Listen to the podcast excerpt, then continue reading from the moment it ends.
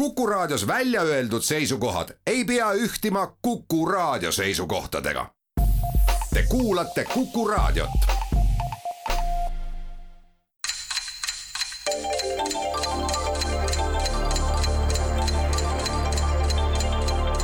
tarkade klubi antiikaja argised tarkused toob teieni Vana-Rooma argielu entsüklopeedia kirjastuselt Avita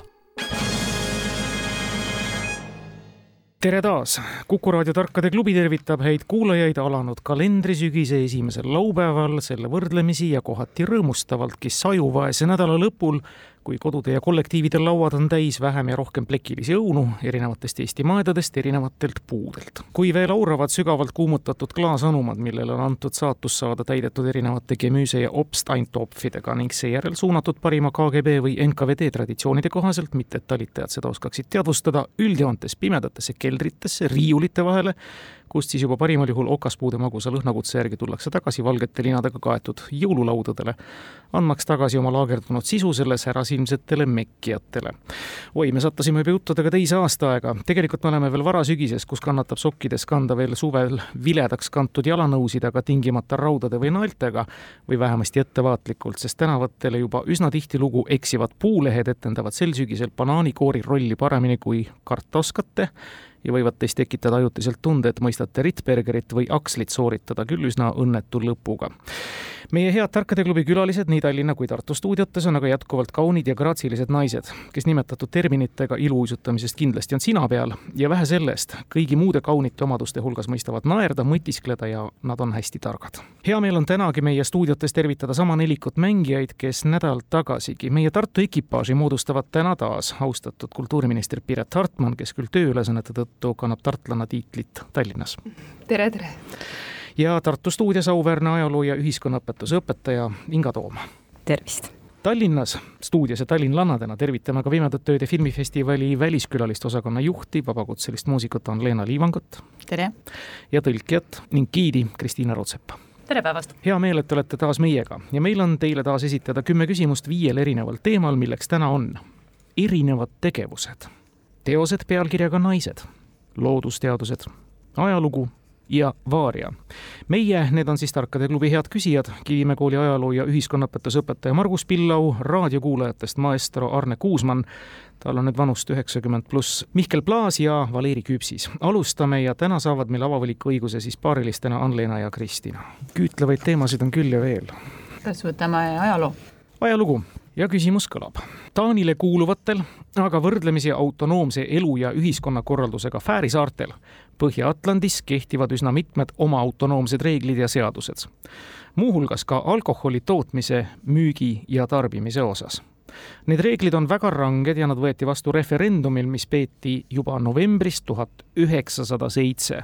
see oli väga eriline referendum, mis määras Fääri saarte tänaseni karmi alkoholipoliitika milles seisnes aga selle referendumi erilisus? lõpptulemust arvestades oli see üsna ja on see üsna loogiline vastus.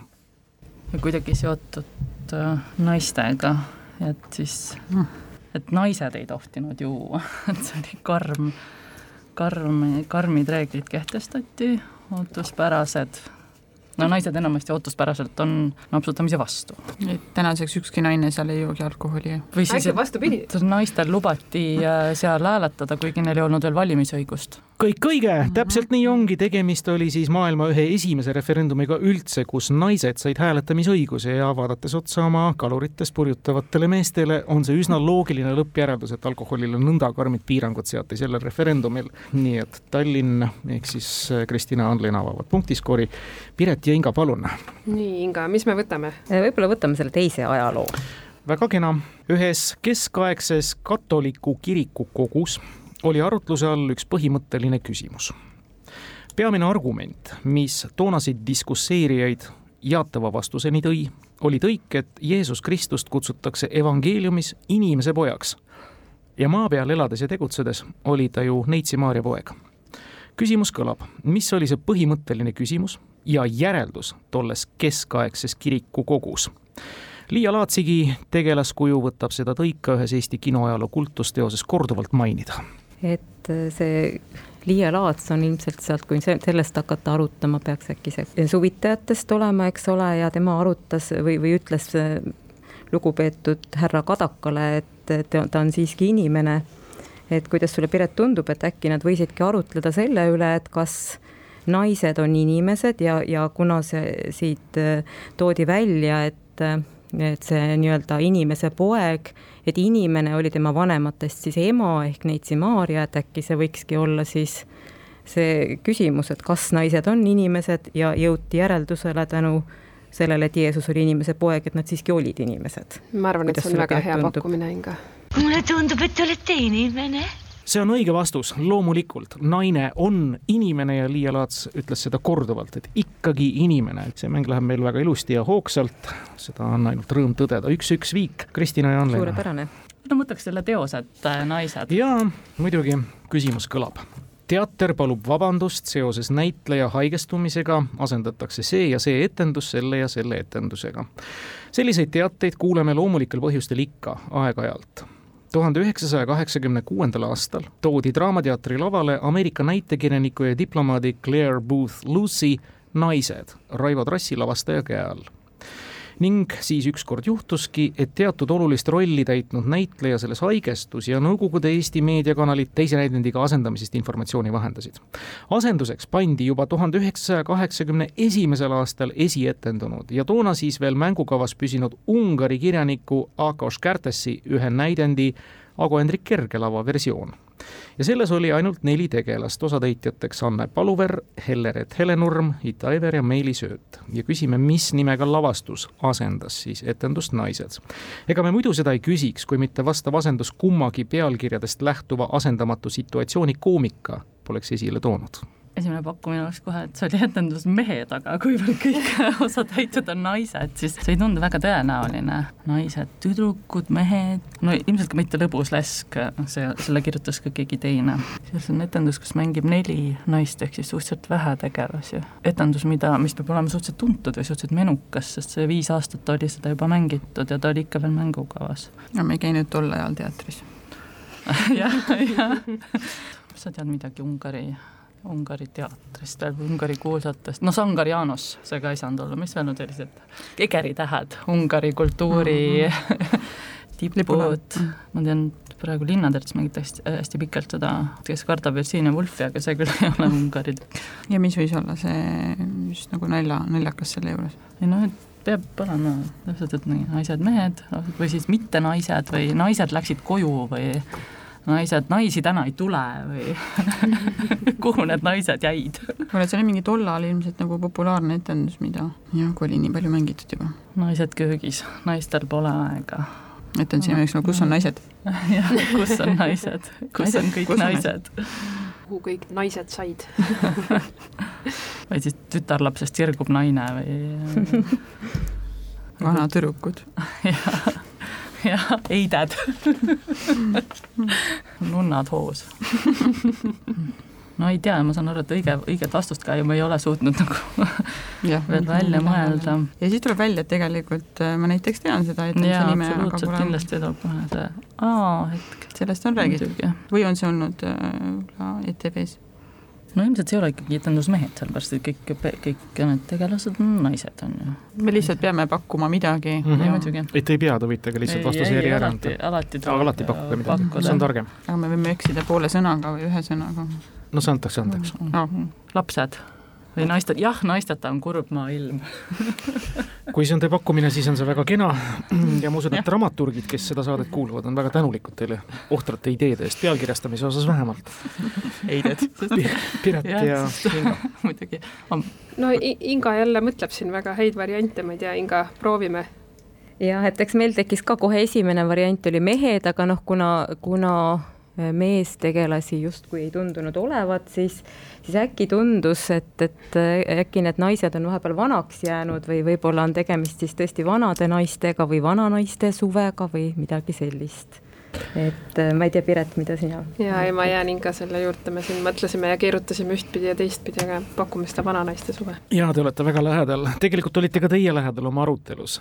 etenduse pealkiri on ühesõnaline, lesed ja asendatud näidendis süžeeks on siis see, et kuulsa näitleja matustel kohtuvad tema ema, esimene naine, teine naine ja armuk ilmselgelt on tegemist komöödiaga. me kõik teame lõbus lesk. lõbus lesk juba hakkas, hakkas looma, hakkas looma. juba särises otsast.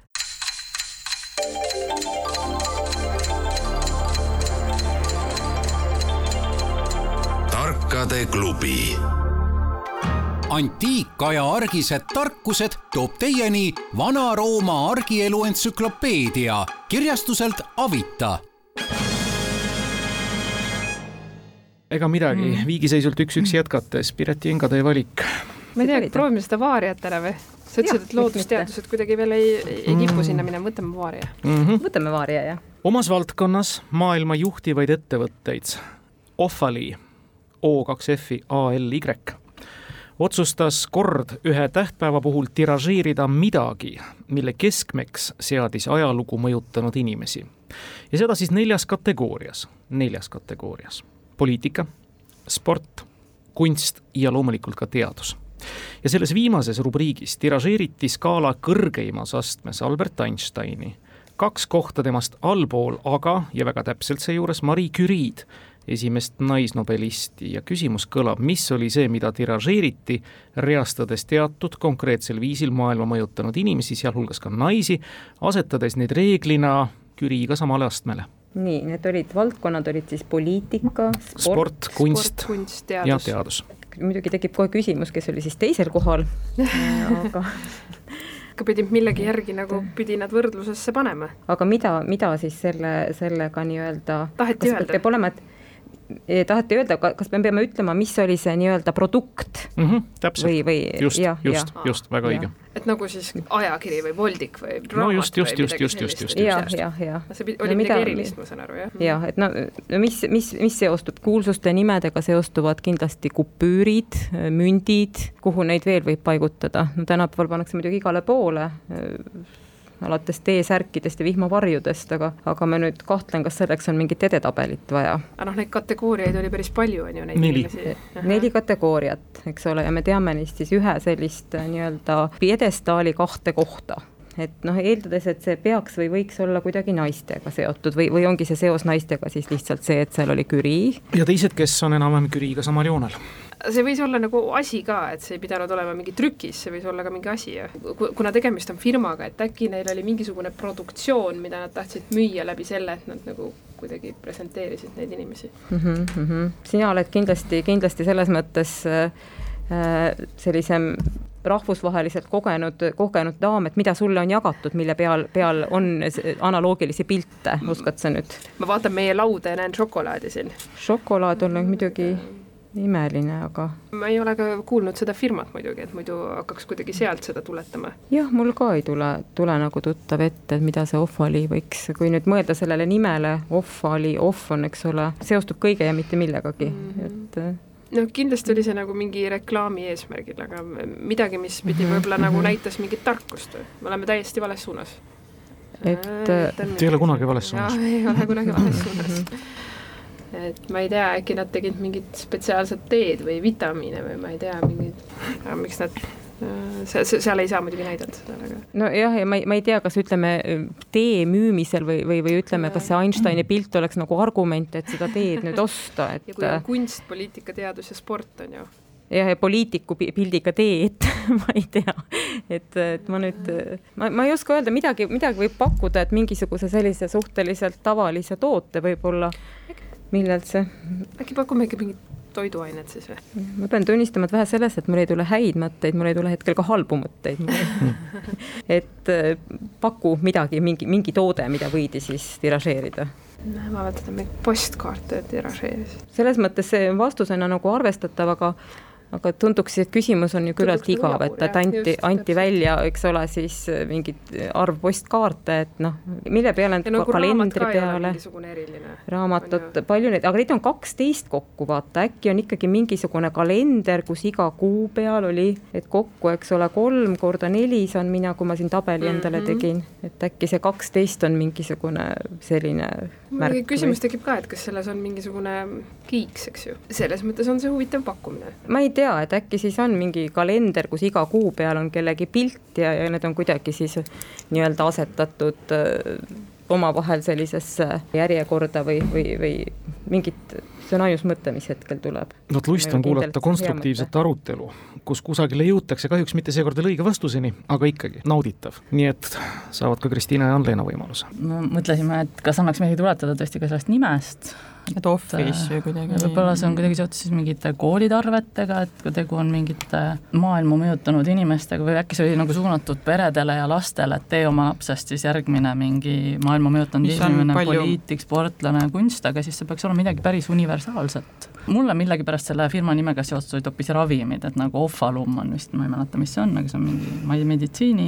kuskilt sinnakanti, et võib-olla see oli hoopiski mingi viljakusravim, mida in- naine võis võtta siis ta sünnitab järgmise Einsteini või siis Curie. ühesõnaga, ma saan aru, et Einstein tiražeeriti kõige rohkem, ta oli kõige ihaldusväärsem. ehkki kuuldavasti polnud eriti, eriti nagu kerge iseloomuga, et jah, geeniused vist on harva sellised väga mugavad inimesed, kellega ühes peres elada. üliharva. ma ütlen veel kord, see tehti ühele firmale selleks, et tähistada seda tähtpäeva. minu esimene mõte kusjuures oli kohe šokolaad, et äkki tõesti mingit šokolaadi Einsteine jagati veel jah, midagi, mis on ja kuidas see siis kas see on naistega seotud siis ainult selle Curie tõttu või on see kuidagi veel, et just naistele oli see on miski mõeldud naistele. too- äh, nagu suunatud, aga noh, mis, mis on suunatud naistele seotud ühte ku, nagu kuulsate inimestega, kes on mõjutanud ajalugu. see peaks kuidagi olema omavahel siis seotud. või lapsemähkmed, tulevane kunstnik kannab ainult Einstein, ei, mitte ma ei tea, kes see kunstis siis seal oli seal Parnassi tipus. mingi raamatute sari tundub ka kuidagi nagu ja juba see sõna tiražeeriti ka natukene minu jaoks nagu viitas jah sinna, et, et aga, aga ma saan aru, et me ka siin ragistame mingis võsas, aga valgust ei paista veel.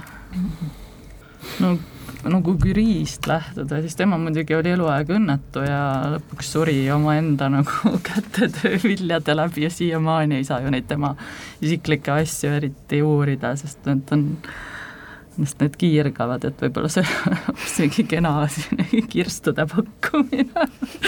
ma ei tea, tõesti eneseabi, ära lõpeta nagu Marie Curie, loe meie raamatut. aga et tiražeeriti on nagu, tundub, et see võiks nagu midagi paberist tulla. no samas, mida firmad Eestis nagu teevad? no kalender tundus üsna loogiline. šokolaadikalendreid, helkureid, vaevalt nad ei ole. kui need oleksid kuulsad saripõrtsukad, oleks võinud kondoome müüa nende näopiltidega, aga kuivõrd on positiivne, siis positiivset midagi on, minul kuidagi siit raske välja mõelda mm,. äkki nad tootsid seepe? ka kaunis ei ole, tõepoolest tegemist on trükitoodetega ja miks ainult neli kategooriat rohkem ei saanud, sest mängukaarte on täpselt neli masti. seda ma mõtlesin ka jah. mängukaardid okei. need olid siis ajalugu mõjutanud naised eesotsas Küriiga, kes sattusid alati olema Ja mängukaardi emandad emandad olema,, sellepärast olidki astmed kolmandad ja Risti ässaks oli loomulikult Okei. Einstein, Risti emandaks oli siis Curie, Offley on siis maailma juhtiv mängukaartide tootja kasiinod. okei, no vaata, vaata, aga vaata, kui hea. Vaat nii. mis näitab oleme, mis näitab seda, et me ei käi kasiinos. see on tõesti nii kaunis, aga teisipidi jälle võttes meil on kultuuriminister stuudios, hasartmängumaksu maksate selle võrra siis vähem kultuuritoetuseks. tegelikult lähedal. väga ma- lähedal, ma juba mõtlesin- et postkaartidega juba läheb edasi, aga ma mõtlesin mängukaartide peale, aga ma mõtlesin, et see kuidagi no vot, liigiseisult Ah. üks-üks jätkame ja Kristina ja Ann-Leena saavad valida. võtame, avame täiesti enneolematuid horisonte, võtame siis selle erinevad tegevused. erinevad tegevused ja maestro Arne Kuusmann küsibki, mille tõlkimine, näed, kui hästi Kristiina sattus nüüd, oi, kui nüüd ei tea. mille tõlkimine ükskõik millisest keelest, ükskõik millisesse keelde on kõige mõttetum ja ka kõige keerulisem? selle miski sünnipäevaks loetakse kahekümne esimest detsembrit tuhat üheksasada kolmteist ja loojaks Arthur Winni. aga tegelikult oli sellel ka juba eellasi üheksateistkümnendast sajandist ja Itaaliast. aga küsimuse puent jääb samaks, mille tõlkimine ükskõik millisest keelest ükskõik millisesse keelde on kõige mõttetum ja kõige keerulisem. Ja selle miski, mille kohta me küsime sünnipäevaks, loetakse kahekümne esimest detsembrit tuhat üheksasada kolmteist ja selle loojaks Arthur Winni. Kristina, mis on kõige mõttetum asi, mida sa oled tõlkinud? no mina olen eranditult tõlkinud väga mõttekaid ja sisukaid ja vajalikke tekste ja väga toredaid tekste, mille tõlkimine on mõttetu. mõttetu selles mõttes, et kasutu ma ei millegipärast esimesena mul tuli pähe see laul Happy birthday, mida ka lauldakse eri keeltes, aga kõik teavad alati, mida see tähendab. huvitav, kas see on siis mingi fraas nagu ma, ma armastan sind või häid jõule või aga eellased Itaaliast? aga ja, ja just, just. noh, Itaalia, mis sealt äh, tuhat üheksasada kolmteist ikkagi see peab olema mingi lühike asi mm., miks pika asja tõlkimine tundub ikkagi, et on mõttekas. ja mingi konkreetne asi, mille eellased on Itaaliast. vandesõnad, aga no samas kui neid kasutada meisterlikult, siis see on vägagi nauditav ja seetõttu võib ka olla mõttekas ükskõik millisest keelest, ükskõik millisest keelest, mingi aevastamine, atsih, no aga seda tagasi ei saanud luua. tore küsimus, kohe väga intrigeeriv. ma võin tõlkijate suvepäevadele selle laenata no see Itaalia võib-olla isegi ei aita meid väga, mis Itaalias üheksateistkümnendal sajandil kõige. jaa, ma nii palju võin vastu tulla, et ei aita. okei hea teada ma juba ketrasin peas, nagu mamma mia, amore mio.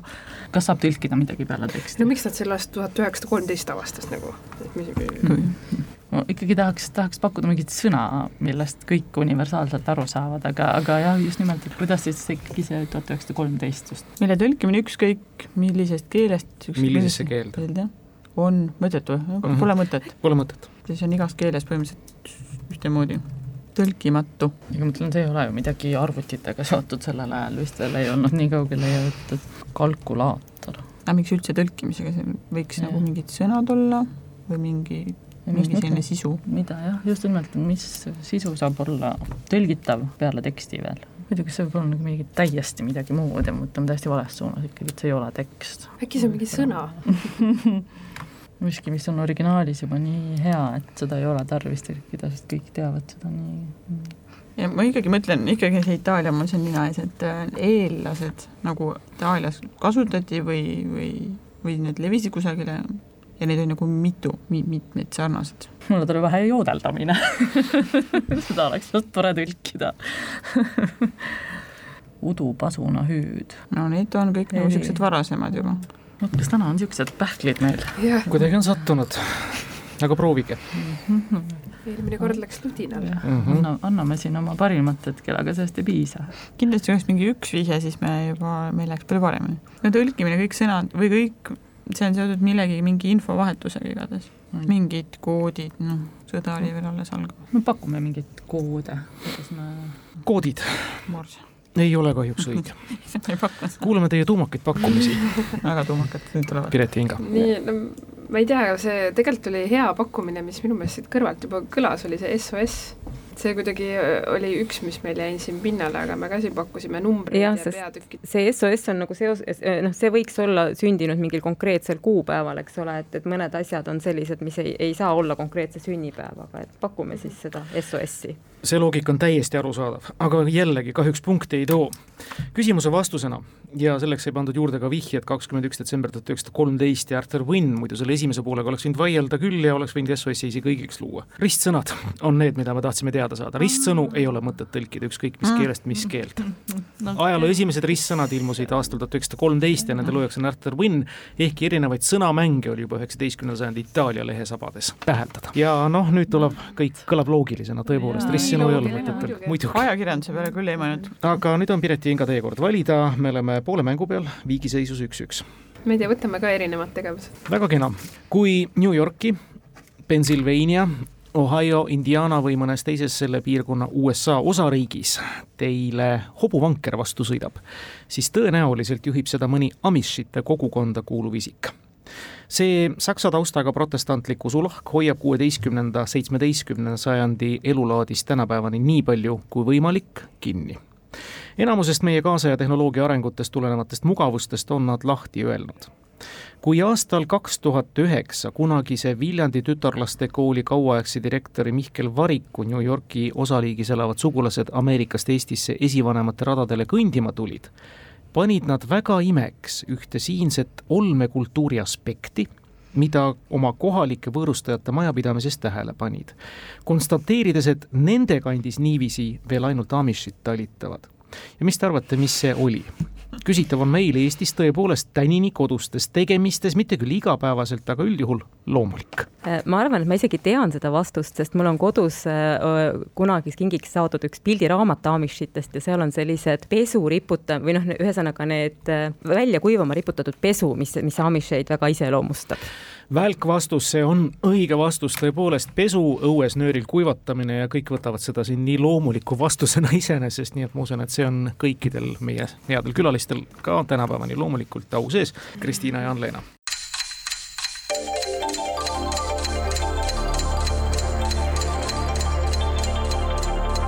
tarkade klubi antiikaja argised tarkused toob teieni Vana-Rooma argielu entsüklopeedia kirjastuselt Avita. kolm teemat Vaaria teosed nimega Naised ja loodusteadused. võtaks looduse? jah, võtame looduse jälle. see on veel avamata jah, tõepoolest. sukeldume uutesse teemadesse. ja me küsime ühte floora esindajat, liiki, mida varem mailaseliste sekka liigitati, nüüd aga hoopis teeleheliste sugukonna kilda kuuluvaks arvatakse.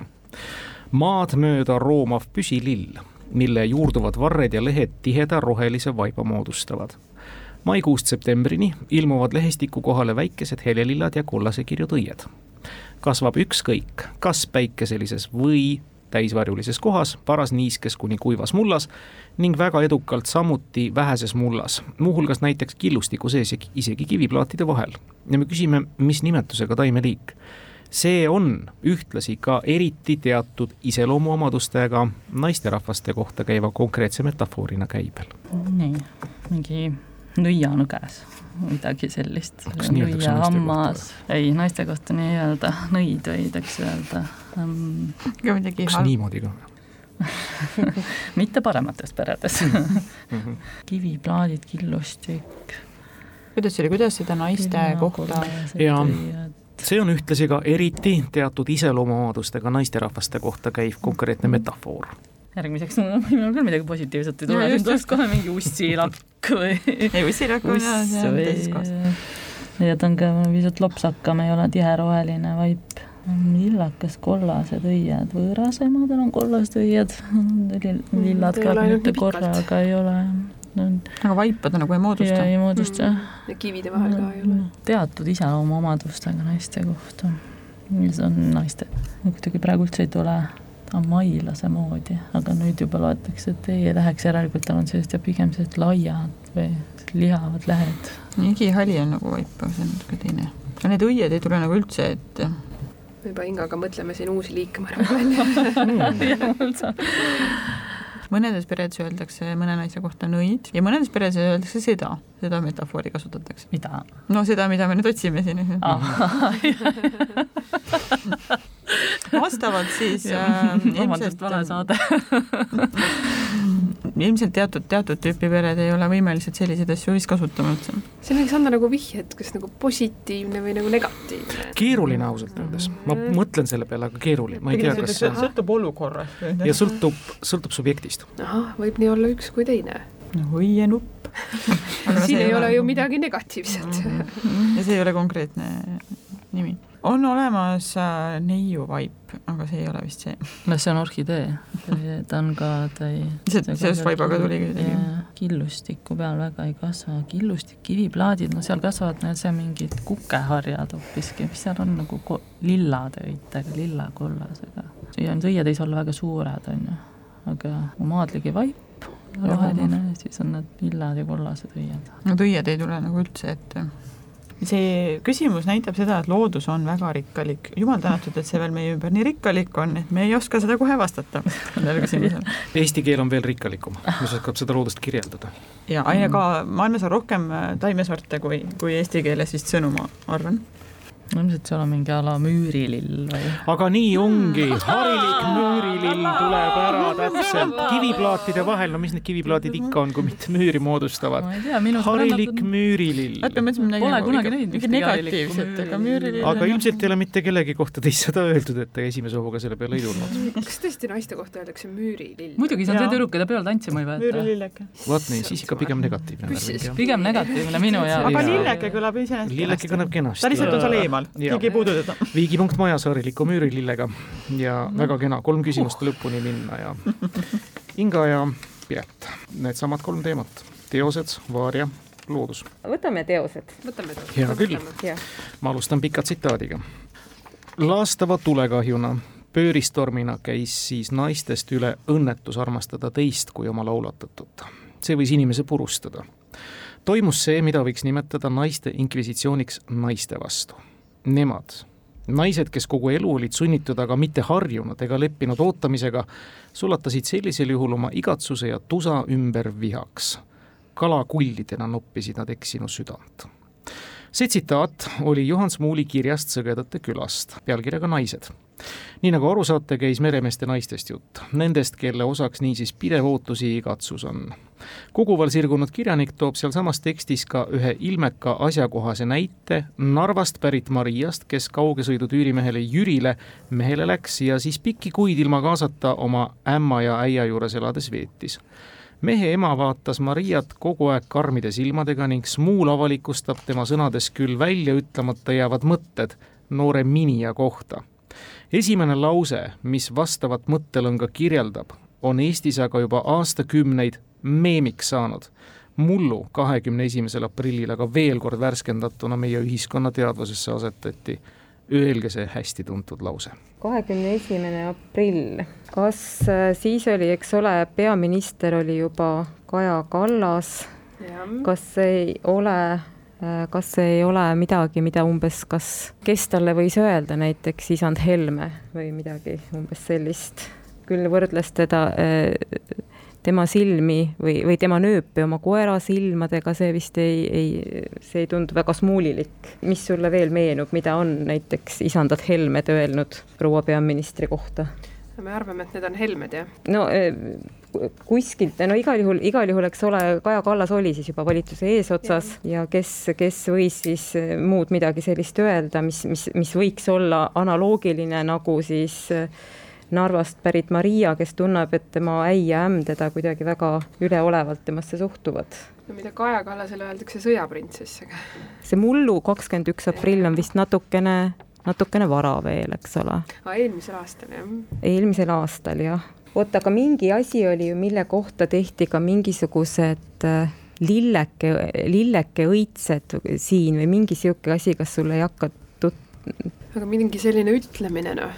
jah, ja sellega tehti ka mingid T-särgid ja sellised asjad. see võis olla umbes siin.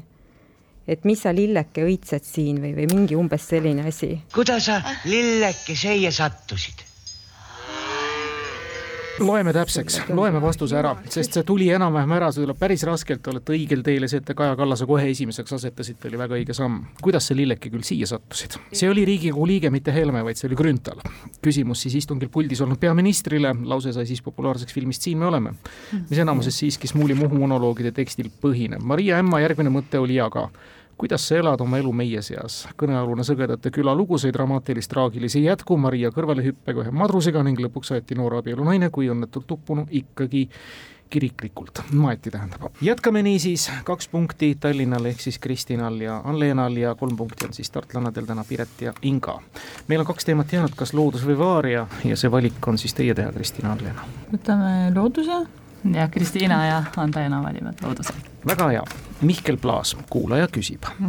selle või nende rolli üle on juba aastakümneid, kui mitte aastasadu diskuteeritud ja täielikku konsensust ei ole ka tänapäeval. tema või nende funktsiooniks on pakutud näiteks amortiseerivat kaitseefekti, õhu soojendamisfunktsiooni, aga ka toimimist resonantskambrina ajalooliselt on neil esinevaid probleeme püütud lahendada termiliselt, tänapäeval pigem biokeemiliselt ja mille kohta käib küsimus, väga krüptiline küsimus. ühesõnaga, kõigepealt on uuritud ja diskuteeritud nende funktsiooni üle, kas nad on näiteks amortiseerivad kaitseefektiga, õhu eelsoojendamisfunktsiooniga või õhu soojendamisfunktsiooniga või siis resonantskambrina toimivad, aga ajalooliselt on siis püütud, kui neil esinevad probleemid, lahendada kas termiliselt, tänapäeval aga pigem biokeemiliselt.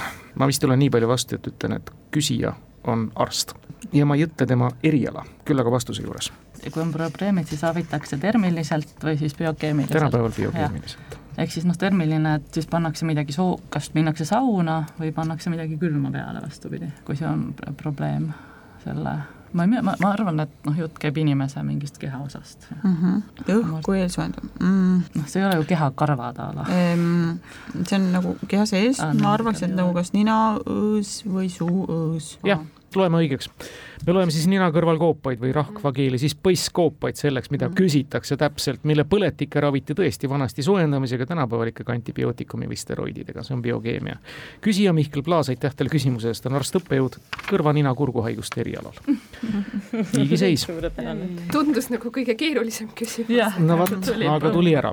ma õpin osteopaatiat, nii et Ahah, aitab. siis on esimesed õpingu tulemused siin saates näha, tubli. kolm-kolm ja mängu jääb lõpetama nüüd täna Vaari ja küsimus, muidu tüdrukud, te olete üle poole juba tõusnud, ikkagi hea mängu teinud, hoolimata sellest, et vastused kipuvad keerulised tulema. professorite Mare ja Rein Taagepera California koduseinal on nende ühe tütre Salme kingitud kahe orgaanilise aine graafilised keemilised skeemmudelid metallist miniskulptuuridena, seega siis üksteisega seotud hulknurksetest elementidest koosnevad. Need kajastavad meie hulgast juba lahkunud pereema Mare erialase uurimistöö üht aspekti, millest ta samuti on artikleid kirjutanud. tegemist on dopamiini ja serotoniiniga.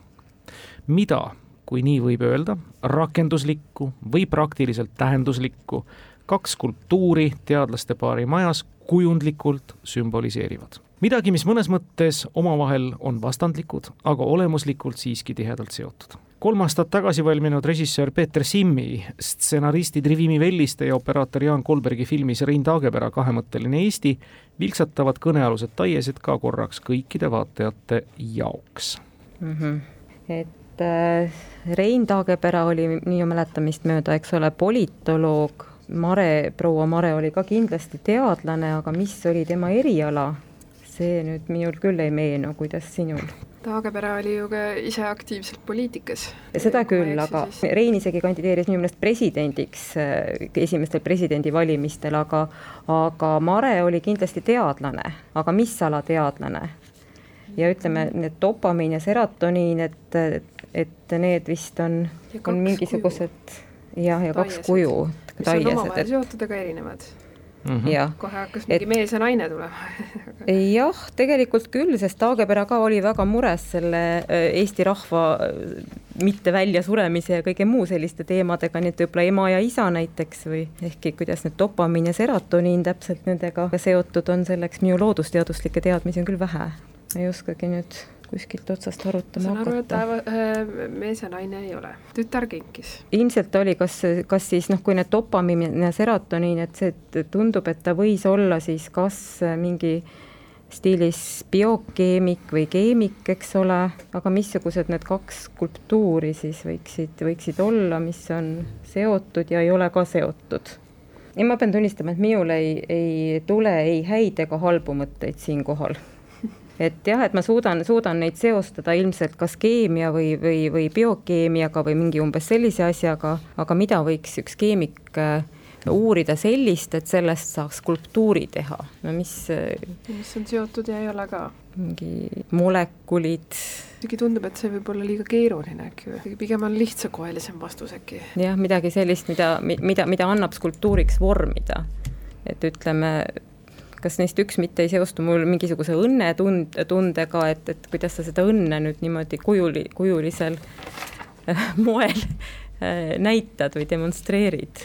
skeemmudelid käis ka läbi mm. -hmm skeemmudelid, mis võib skeemmudelil? kas mingid äh, kujutatud pro... oli skulptuuridena siis noh, seletame lahti, skulptuuridena oli kujutatud dopamiini ja serotoniini ja mida see pidi siis nüüd sümboliseerima? ma ei oska öelda, võib-olla, võib-olla õnne ja kurbust või kas võib midagi sellist olla, aga kuidas neid siis, vot kas oli juttu, et nad on omavahel nagu mingid vastandid või, või on nad omavahel no, kuidagi mõnes, mõnes mõttes omavahel vastandlikud, olemuslikult siiski väga tihedalt seotud. no ma, ma ei oska muud pakkuda, et see dopamiin, kas ei ole see, see, mis nagu kuskilt tuleb, et see on see, kas see õnnehormoon, aga millest see õnn siis peaks nagu väljenduma?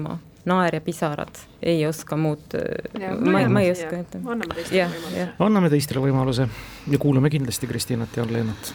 no mina mõtlesin vastandlikud ja samamoodi nagu on mõlemad emotsioonid, et või vastandlikumad on armastus ja vihkamine, aga mulle ei meenu täpselt, mis see serotoniin teeb, et millal ta, millal ta tekib. jah, mõtlesin sama, et äkki mingi ka nagu rõõm ja mure või siis, mis on vastandlikud öö ja päev, elu ja surm, orgaaniline keemia, mida see Mare Taagepera võis siis uurida. teate, kuna siin juba pool vastust kõlas kummaltki poolt ära ja ma tahaks väga nii-öelda dopamiiniga selle mängu lõpetada. ehk siis viigiga, mis, mida te kindlasti täna pingutuse puhul väärt olete, kumbki saab pool punkti. dopamiin on tõepoolest õnnehormoon. mida nad väljendavad? armumist pluss eluaegset armastust. ühe puhul toimub dopamiin ja teise puhul toimub serotoniin mm. -hmm. nii et sellise kauni vastusega täna lõpetame, viigiseisuga kolm pool, kolm pool, te olete jälle väga tublid, olen seitsekümmend protsenti küsimustest on saanud siiski vastuse. selles raskes mängus. selles raskes mängus, Jaan, Leena ja Kristiina ja selle raske mängu peale valime siis välja, ma ei ütle, et raskeim, aga parima küsimuse teie abiga. mulle meeldis omas vaimukuses naiste muutumine leseks jaa, asendusetendus Draamateatris. mulle meeldis teeme midagi kultuurset ikka. mulle meeldis ka väga see tõlkimise teemaline küsimus, et loomulikult ristsõna, aga see oli ka väga hea. Arne Kuusmann saab kindlasti ka meie poolt siis raamatu, veel kord suur aitäh, Piret ja suur aitäh Inga Tartusse seda kahte tundi leidmast endal kahel laupäeval. aitäh, Ann-Leena, Kristiina teile ka siia saatesse tulemast ja loodan siis peatse kuulmise kohtumiseni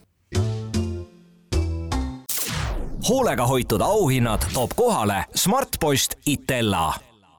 lõpetame saate taas kuulajamänguga, mida raamatuga Vana-Rooma argielu entsüklopeedia toetab kirjastus Avita. see raamat saab nüüd osaks ühele kuulajaist, kes teadis vastust eelmisel nädalal kõlanud küsimusele, kus tahtsime teada saada kunstiteost mida autor pidi paar aastat pärast valmimist hoidma oma õpilase juures peidus ja mille kohta kunstikriitikud ütlesid, et see kätkeb endas selgelt Kristuse ristilt mahavõtmise motiive. loomulikult oli selleks teoseks Jacques-Louis Davidi Marat surm kunstitundjaid, kuulajaid ja ka kirjasaatnuid oli rõõmustavalt palju ning kõige õigesti vastanute vahel naeratas loosiõnn kuulaja Tuuli Luuale. palju õnne teiega võtame ühendust. uus nädala küsimus ja auhinnal on ikka ja jälle Vana-Rooma argielu entsüklopeedia Avita kirjastuselt, kõlab järgmiselt. Arthur Conan Doyle'i surematutes teostes on ka teiste seas üks tegelane, erakust kollektsionäär, kes tunnistab, et tema käib kodunt väljas ainult siis, kui tal on vaja sõita kas Jamesi või Johni juurde. küsimus kõlab mis on nende Johni ja Jamesi perekonnanimed, kuhu too erakust kollektsionäär Conan Doyle'i raamatust vaid sõita võtab.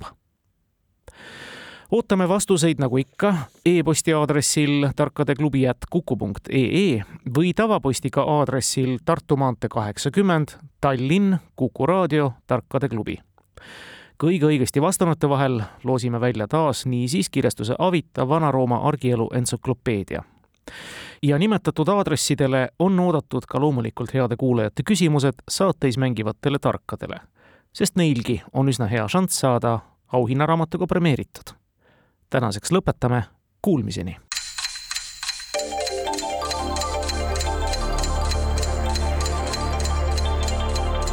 tarkade klubi antiikaja argised tarkused toob teieni Vana-Rooma argielu entsüklopeedia kirjastuselt Avita